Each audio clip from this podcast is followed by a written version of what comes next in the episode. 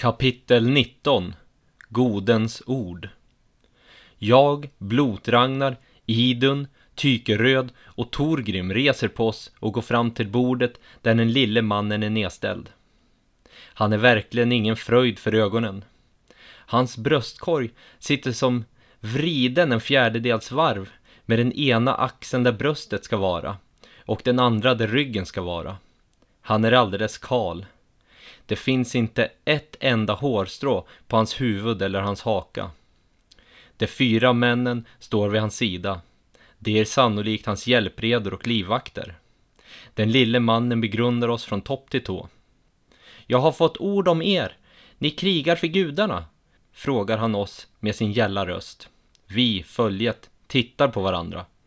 Det stämmer, svarar Blotragnar. Jag har haft råslag med gudarna, säger goden. Har han pratat med gudarna, tänker jag och lyssnar intresserat. Ni ska bege er till Fröberga, korsets sista men starkaste fäste. Tor har utlovat milt väder under er färd. Väl i Fröberga finns det folk som kan hjälpa er med ert kall. Var sjunde dag så samlas alla stadens korsbärare i den nya kyrkan för att hedra deras falska gud. Vänta på rätt tillfälle. När tiden är kommen så stänger in dem i kyrkan och tänder eld på dem. Låt dem gå under i ett hav av lågor, säger goden bestämt. Han vill alltså att vi ska elda upp kyrkan med korsbärarna i den. Det är fullt görligt, om gudarna vill. Vi hörsammar godens ord och redan dagen efter så rider vi norrut mot Fröberga igen. Det är tre dagars ritt. Det betyder två nätter i fält om allt går som det ska. Vi hoppas verkligen att Tor håller sitt löfte om milt väder. Vi rider ut ur Sjödala efter att ha tackat Boda och de andra för uppehället. Samma väg som vi red hit.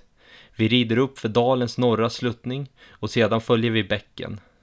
Vädret är milt, precis som goden sa. Efter en lång dags ritt så når vi fram till den ensamma lilla timmerstugan som vi övernattade i förut. Vi stannar där över natten. Morgonen efter rider vi direkt när solen går upp. Det här kommer vara färdens värsta skede. För i natt måste vi kanske sova utomhus. På vägen söderut mot Sjödala fann vi inget skydd och var tvungna att sova under en gran. Förhoppningsvis så ska vi inte behöva göra det igen. Det finns stugor och andra skydd på vägen. Det gäller bara att hitta dem. Vädret är fortfarande milt. Jag har en dålig magkänsla. Om vädret slår om så kan det leda till enorma bekymmer för oss. Det är tyst i följet när vi rider. Alla tänker nog på vädret och den kommande natten. Efter en stunds ritt så stöter vi på två stycken raka linjer i snön. Det är ett färskt skidspår. Vi tittar åt spårets båda håll, men någon skidåkare syns inte till. Blotragnar och Idun hoppar ner från deras hästar för att begrunda spåret närmre. Har personen stakat från öst till väst eller från väst till öst? Det är omöjligt att se. Om det finns en person här så finns det även något skydd för natten. Vi måste hitta honom eller henne, säger Blotragnar. Blotragnar ser fundersam ut. Han drar sina fingrar genom skägget och tittar i spårets båda riktningar. Vi rider västerut, utbrister han efter ett tag. Han hade ju rätt när det gällde björnfolkets svarta skepp i alla fall, tänker jag. Vi följer spåret västerut. Fast vi har ännu ingen aning om den som gjort det är frände eller fiende. Efter att vi följt spåren en längre stund så ser vi en person sitta på huk en bit fram i skogen. Personens mörka pälskläder syns väl i den snötäckta skogen. Personen märker av vår närvaro och reser sig upp. Din man. Han tar snabbt fram sin pilbåge, riktar den mot oss och spänner en pil över den. Han ser ut som en vilde, klädd i päls, paltor och en stor pälsmössa. Bredvid honom ligger ett stort dött vildsvin med en pil i sidan. Torgrim är snabb med sin båge och siktar en pil mot mannen. Det är alldeles tyst. Vilka är ni? ropar mannen nervöst. Vi är ett simpelt följe på väg till Fröberga, ropar Blotragnar tillbaks. Vem är du? fortsätter han. Alf, ropar mannen. Han må vara en vilde, men han tillhör knappast björnfolket och han kan omöjligt vara en kristen, tänker jag. Häll Oden, utbrister jag. Mannen begrundar oss ett tag. Sedan sänker han sin båge och sätter sig på huk igen med ryggen mot oss. Han verkar vara mitt uppe i att stycka det stora vildsvinet. Han rör sig och beter sig på ett mycket märkligt sätt, nästan djuriskt. Vi, följet, tittar förvånat på varandra innan vi rider fram. Mannen vänder sig inte mot oss eller ens tittar åt vårt håll när vi rider fram till honom. Han håller precis på att hugga och skära loss ett ben från vildsvinet. Alf hatar korset, säger han, utan att ens lyfta blicken. Alf lämnade Fröberga när det förbjöd blot, fortsätter han och fnyser. Han pratar förstås om korsbärarna. Han verkar vara sinnessvag. Men han ger ett visst sken av lugn och ro i alla fall.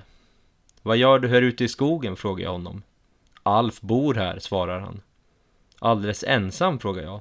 Ja, i Alfs egen koja, svarar han och får precis loss köttbenet från vildsvinet. Han har inte lyft blicken en enda gång under samtalet.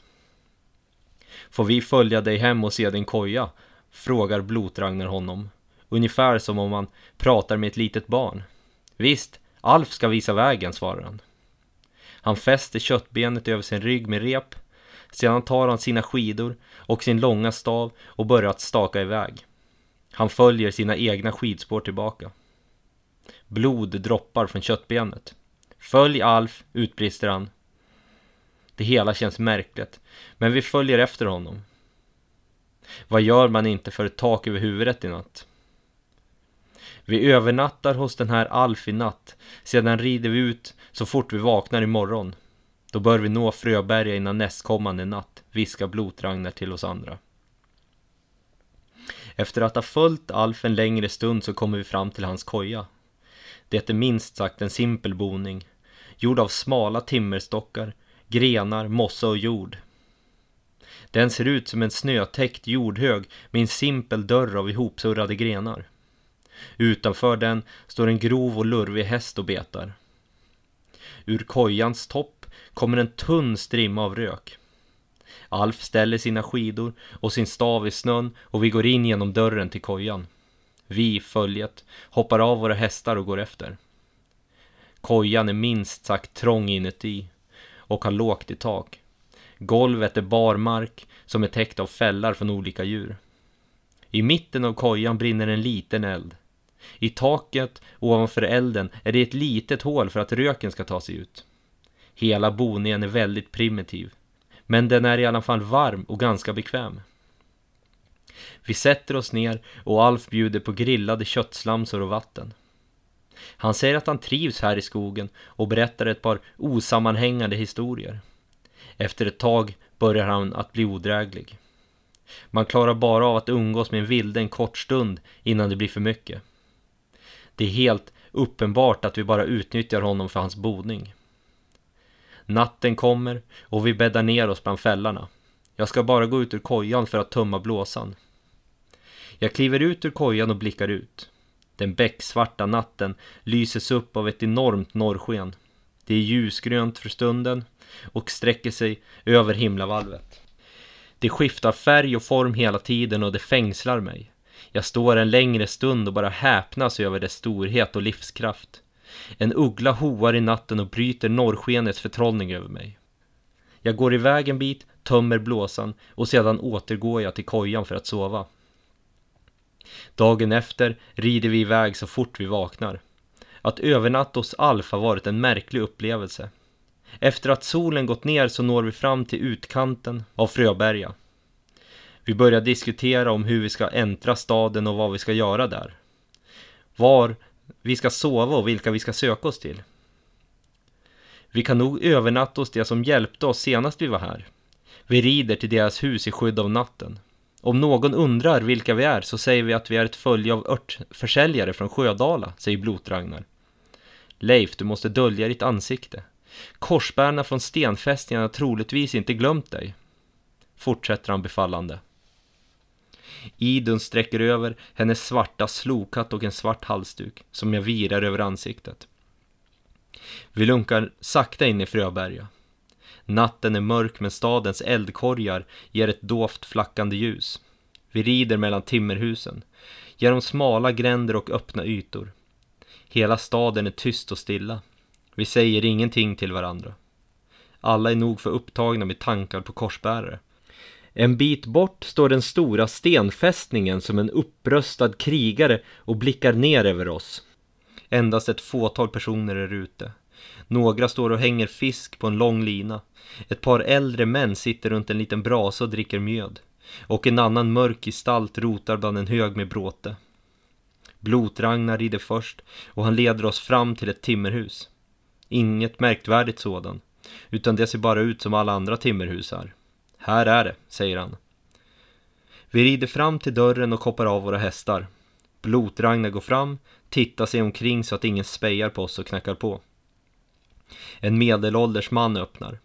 Han är klädd i bruna tygkläder och har ett tjockt läderbälte med ett guldspänne och detaljer av guld. Han har gråblont hår och ett tjockt läderband runt huvudet. Mannen välkomnar oss hastigt och vi kliver in. Där inne sitter ytterligare en medelålders man och två medelålders kvinnor vid ett bord. Han stänger dörren efter oss. När väl dörren är stängd och vi är ensamma så utbrister de alla i ett varmt välkomnande. De kramar om blotragnar och de andra och lovordar varandra. Tykeröd berättar att det var jag som dödade kungen och jag blev prisad av dem. Jag förstår att det var dessa som följet bodde hos när jag satt fängslad. Vi sätter oss alla vid bordet. I salens ena hörn står ett litet bord med ett brinnande talljus och en liten Odensstatyett av järn. Mannen med pannbandet berättar att korsbärarna blev ledarlösa när kungen föll. Men nu styrs det av så kallade heliga män. Blotragna berättar om goden i Sjödal och hans ord. Planen att bränna kyrkan med korsbärarna i den. Mannen med pannbandet lyser upp när han får höra vad goden sagt. Han säger att korsbärarna samlas i kyrkan var sjunde soluppgång. Vi sitter alla vakna och pratar långt in på natten. Till slut måste vi sova en blund och mannen med pannbandet bäddar fram filtar på golvet åt oss. Morgonen efter är det dags att sätta planen i rörelse. Tykeröd och Idun får i uppdrag att speja lite på kyrkan och se hur man kan låsa in korsbärarna i den. De ska även ta reda på hur länge det är tills nästa gång kyrkan fylls igen. Blotragna, Togrim och mannen med pannbandet går iväg tidigt på morgonen för att prata med andra hedningar som man kan lita på under ett eventuellt uppror. Det finns ett visst motstånd mot korsbärarna som ligger och puttrar i staden. Som en varm kolbädd som kan blossa upp när som helst.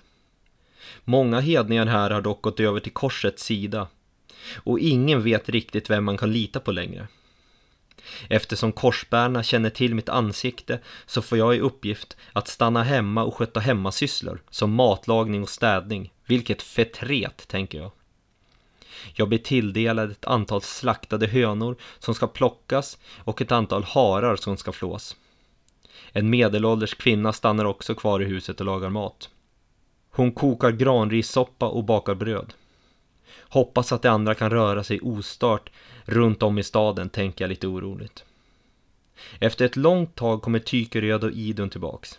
De berättar att korsbärarna samlades i kyrkan tidigare idag. Det betyder att det är sju dagar tills nästa gång de gör det igen. Senare på dagen kommer även Blotragnar, Torgrim och mannen med pannbandet tillbaks till huset. De berättar att de har ordnat ett hemligt möte med en handfull pålitliga hedningar imorgon kväll.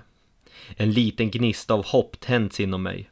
Vi kanske kan befria landet trots allt, tänker jag.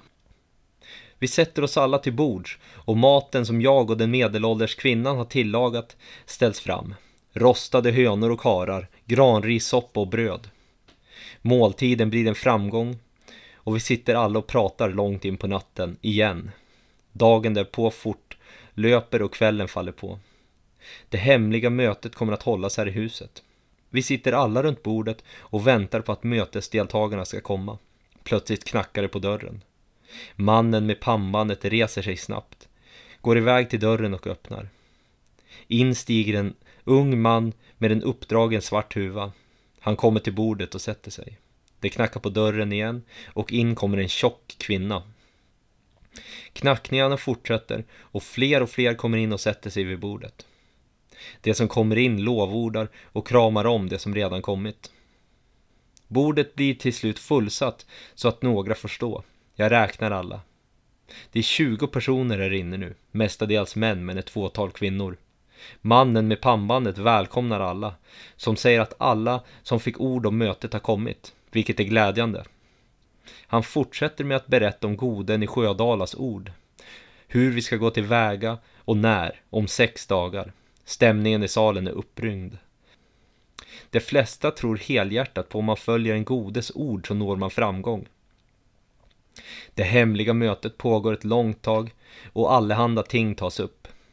Efter att natten fallit på så smyger deltagarna ut ur huset, en efter en. Det är morgon på den sjätte dagen efter det hemliga mötet. Det är förvånansvärt milt väder.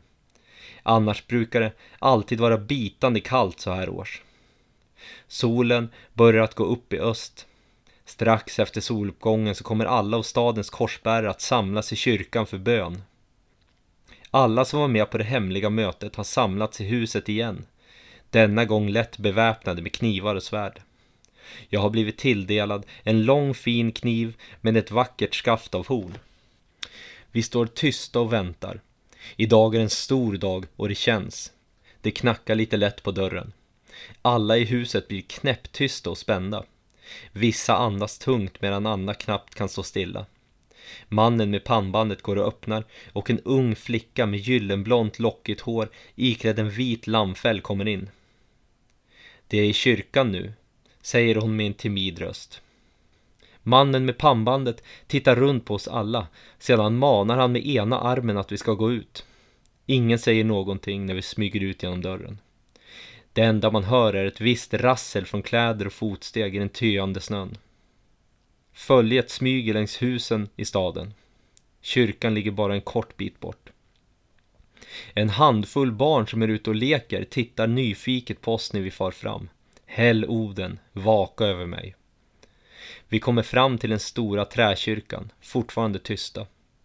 Utanför den står ett jättelikt kors av två stycken ihopsurrade timmerstockar. Kyrkan har ett antal fönstergluggar längs sidorna. Men de är så smala att man knappt kan sträcka ut en arm ur dem. Det är högst oklart hur många korsbärare som finns där inne. Säkert 150 stycken i alla fall.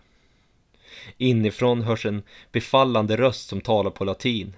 Det är ord av gift. Vi ställer oss i en halvcirkel utanför kyrkans port som består av två stycken stora trädörrar som öppnas utåt. Mannen med pannbandet och tre andra män springer fram och tar upp två stycken grova träbjälkar som ligger på marken. De har lagt dem in till kyrkan under natten. Några andra ur följet tänder sina medhavda facklor i en brasa i närheten. Jag tar ett djupt andetag. Nu gäller det. Mannen med pannbandet och tre andra män stöter mot porten med de båda bjälkarna och sätter dem i spjärn mot marken vilket gör det omöjligt att få upp porten från insidan. Kyrkan är ett, nu ett fängelse. Ett antal brinnande facklor kastas upp på kyrkans trätak, där all snö har töat bort. Ytterligare facklor hålls mot kyrkans grund. Måtte gudarna vara med oss, tänker jag. Träet i husgrunden börjar snabbt att ryka och svartna på sina ställen. Snart tar det eld. Plötsligt hörs några höjda röster från kyrkans insida.